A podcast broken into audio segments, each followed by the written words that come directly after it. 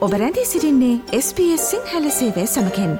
වැඩිතුර තොරතුර දැනැනීමට පිවිසන්න ps.com.ta/ Sinhala වෙපඩවයට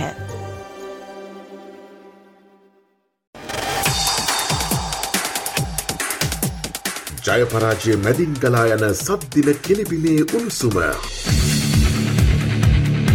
SBS සිංහලකුවන් විදිලියේ සතියේ ක්‍රීඩා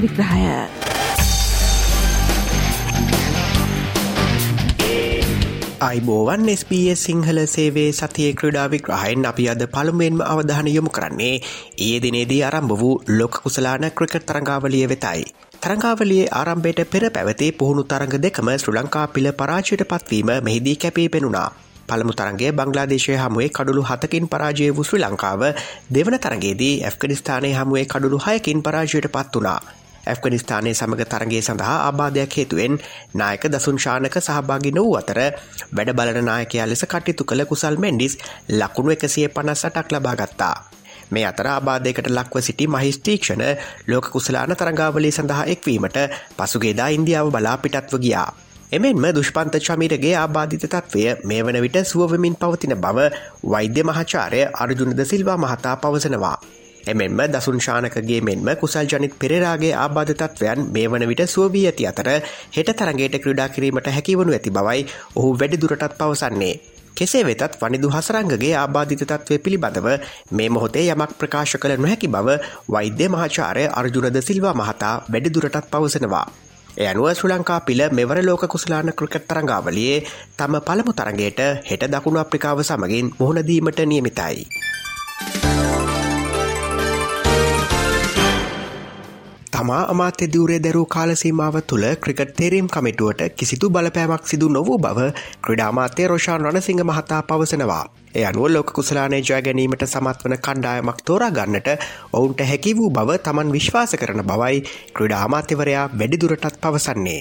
රීම් කමිටුව පත් කරේ මීට අවුරුදු හතරකට කලින් විස්සයි විසිතුනේ ලෝක කුසලානය ගේන්න විශ්වාසයට තමයි තේරීම් කමිටුවක් පත් කරලා තියෙන්නේ. ඊට අමතරව ඉන්නවා උපදේශකවරයෙක් පත් කළා. උපදේශකවරයාට ගෙවනවා ලක්ෂ 60ක වගේ මුදලක්. තේරීම් වලට මේ කිසිදු දෙයකට ඇමතිවරයා විදියට පහුගිය කාලනම් කතා වුණ තරම් තියෙනවා එහෙම ඇඟිලි ගැසීම් තිබ්බයි කියලා කතා තියෙනවා. හිටපු තේරීම් කමිටුවල සභාපතිලා සහ නිලධාරීන් ඇවිල්ලා මාත් එක්කම කියලා තියෙනවා කලින් හිටපු සමහර ඇමතිවරුන්ගෙන් බලපෑම් තිබ්බයි කියලා සමහර හැමෝගෙම නෙමෙයි. කවුරුවත් ඇඟිලි ගහලා නැත්තම් බලපෑම් කළා නැත්තම් තේරීම් කමිටුව වගකීම ගන්න වෙනවනේ. මේ අතර ක්‍රඩකින්ගේ විනය ඉහළ මට්ටමක පැවතීම තරඟ ජයග්‍රහණයට හේතුවන බවයි ක්‍රඩාමාත්‍යවරයා පවසන්නේ. ඔහු පවසන්නේ එම වගකීම ඇත්තේ ශ්‍ර ලංකා ක්‍රිකට් ආයතනයට බවයි. එලිවෙනකල් පාටි දාලා ඇවිල්ලා පහෝදා මැච් ගහන්න ගියපුවාම තරඟ පරාද. රට නියෝජනය කරා. මේක මේ කාගේවත් පුද්ගලික බුදලයක් නෙමෙයි. ශ්‍රී ලංකා ක්‍රිකට් මේ රටේ දේ. මේ ලබන ජයග්‍රහණ වලට ICC එකවත් ජාත්‍යන්තර ක්‍රිකට් සංගමයේවත් ආසියානු ක්‍රිකට් සංගමයේවත් ඇවිල්ලා උදව් කරන්නේ අපේ රට දිනවා. අපේ රට දිනවීමේ වගකීම තියෙන අපේ රටට. ඒ විශ්වාසය තමයි මේ රටේ මහජනයා ශ්‍රී ලංකා ක්‍රිකට් ආයතනයට දීලා තියෙන්නේ.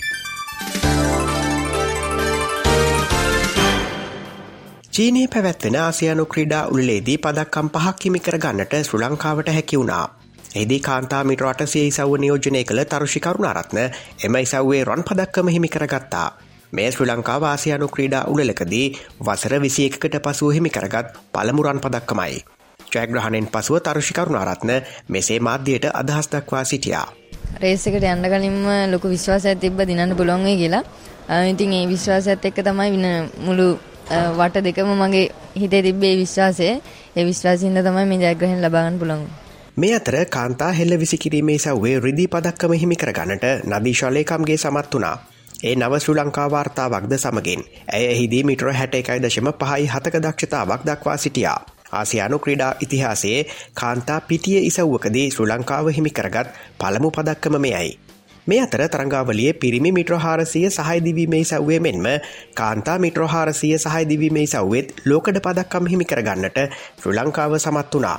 මේ අතර ආසියානු ක්‍රඩා උළේ මිට්‍ර හාරසීය මිශ්‍ර සහහිදිවීමේ සවේ රිදි පදක්කම හිමි කරගන්නට ශ්‍ර ලංකාව සමත් වනත් තරග නීති උල්ලංඝනයවීම හේතුවෙන් එම පදක්කම ශ්‍ර ලංකාවට අහිමි වුණා ඒ තරගේ මංතේර උල්ලංඝනය කිරීමේ වර්ද හේතුවෙන්. මේ අතර තරංගාවලිය පිරිමි ක්‍රිකට් තරගේ සව්වේ අර්ධ අවසන් පූරවටේ තරගේදී ශ්‍ර ලංකා පිළ ඇෆ්ගනිස්ථානය හමුවේ පරාජයට පත් වනා.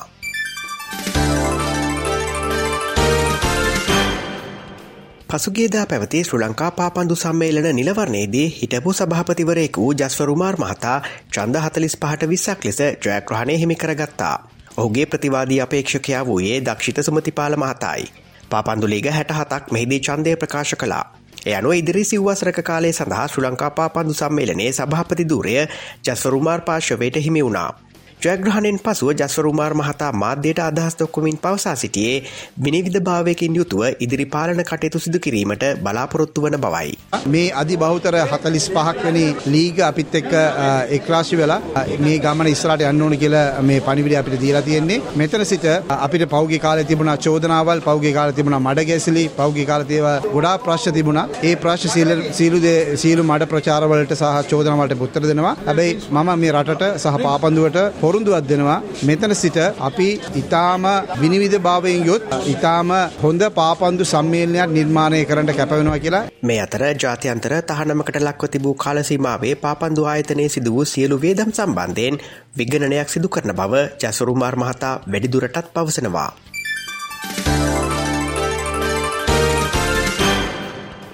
ආසියානු ක්‍රීඩා උළේ කාන්තා ක්‍රිකට් ඉසව්වේ රිදි පදක්කම හිමි කරගත් ශ්‍ර ලංකා කාන්තා ක්‍රිකට් කණ්ඩායම පසුගේදා ශ්‍ර ලංකාවට පැමිණියා. එහිදී මාධ්‍යයට අදහස් දැක්වූ නායික චමරි අතපත්තු පැවසුවේ ඉන්දියාවට එරෙහි අවසන් මහතරගේදී තමා ලකුණු අතරට නොපැමිණීම පරාජයට ප්‍රධාන හේතුවක් වූ බවයි.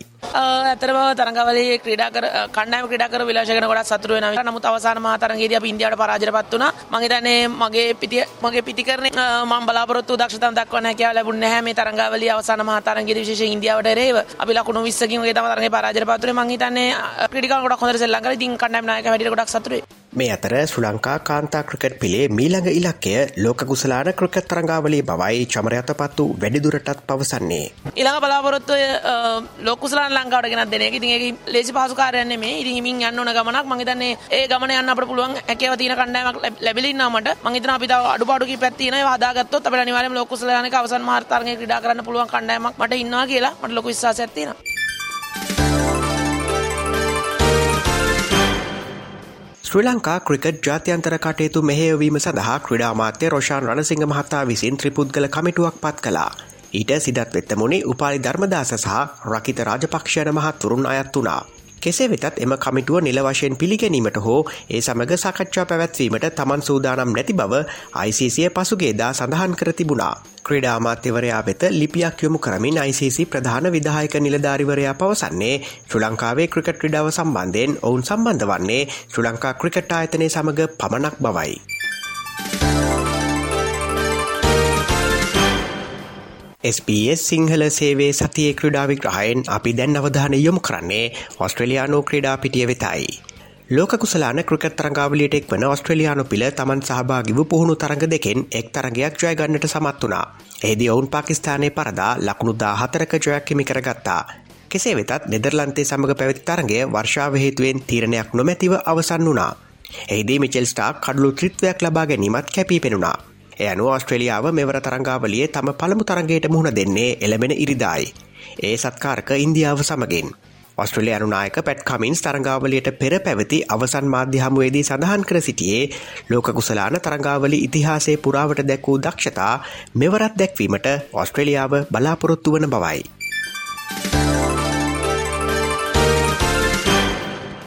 ලෝක කුසලාන රක්බි තරංගාවලියේ තම දෙවන ජයග්‍රහණය හිමි කරගන්නට ඔස්ට්‍රලියාව පසුගේදා සමත් වනා. ඒ පෘතුගාල කණ්ඩායම ලකුණුති සතරට දාහතරක් ලෙස පරාජයට පත් කරමින්. එය අනු ඔවුන් මේ වන විට ප්‍රසාද ලකුණු සටහනේ දෙවන ස්ථානයේ සිටිනවා. කෙසේ වෙතත් එළබෙන ඉරිදා පැවැත්වෙන ෆීජිපිල සහ පෘතුගාලය අතර තරගෙන් ෆීජිපිල පරාජයට පත් වූහොත් පමණක් ඔස්ට්‍රලියාවට අර්ධවසන් පූරවටයට පිවිසීමට හැකිවනවා.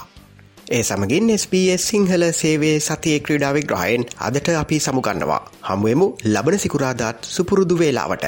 එතෙක් ප්‍රාර්ථනා කරනවා ජයග්‍රාහි සතියක්. ජයපරාජය මැදින් ගලා යන සද්දින කෙලිබිමේ උණුසුම. SBS සිංහලකුවන් විදිලියේ සතියේ ක්‍රීඩා විග්‍රහය.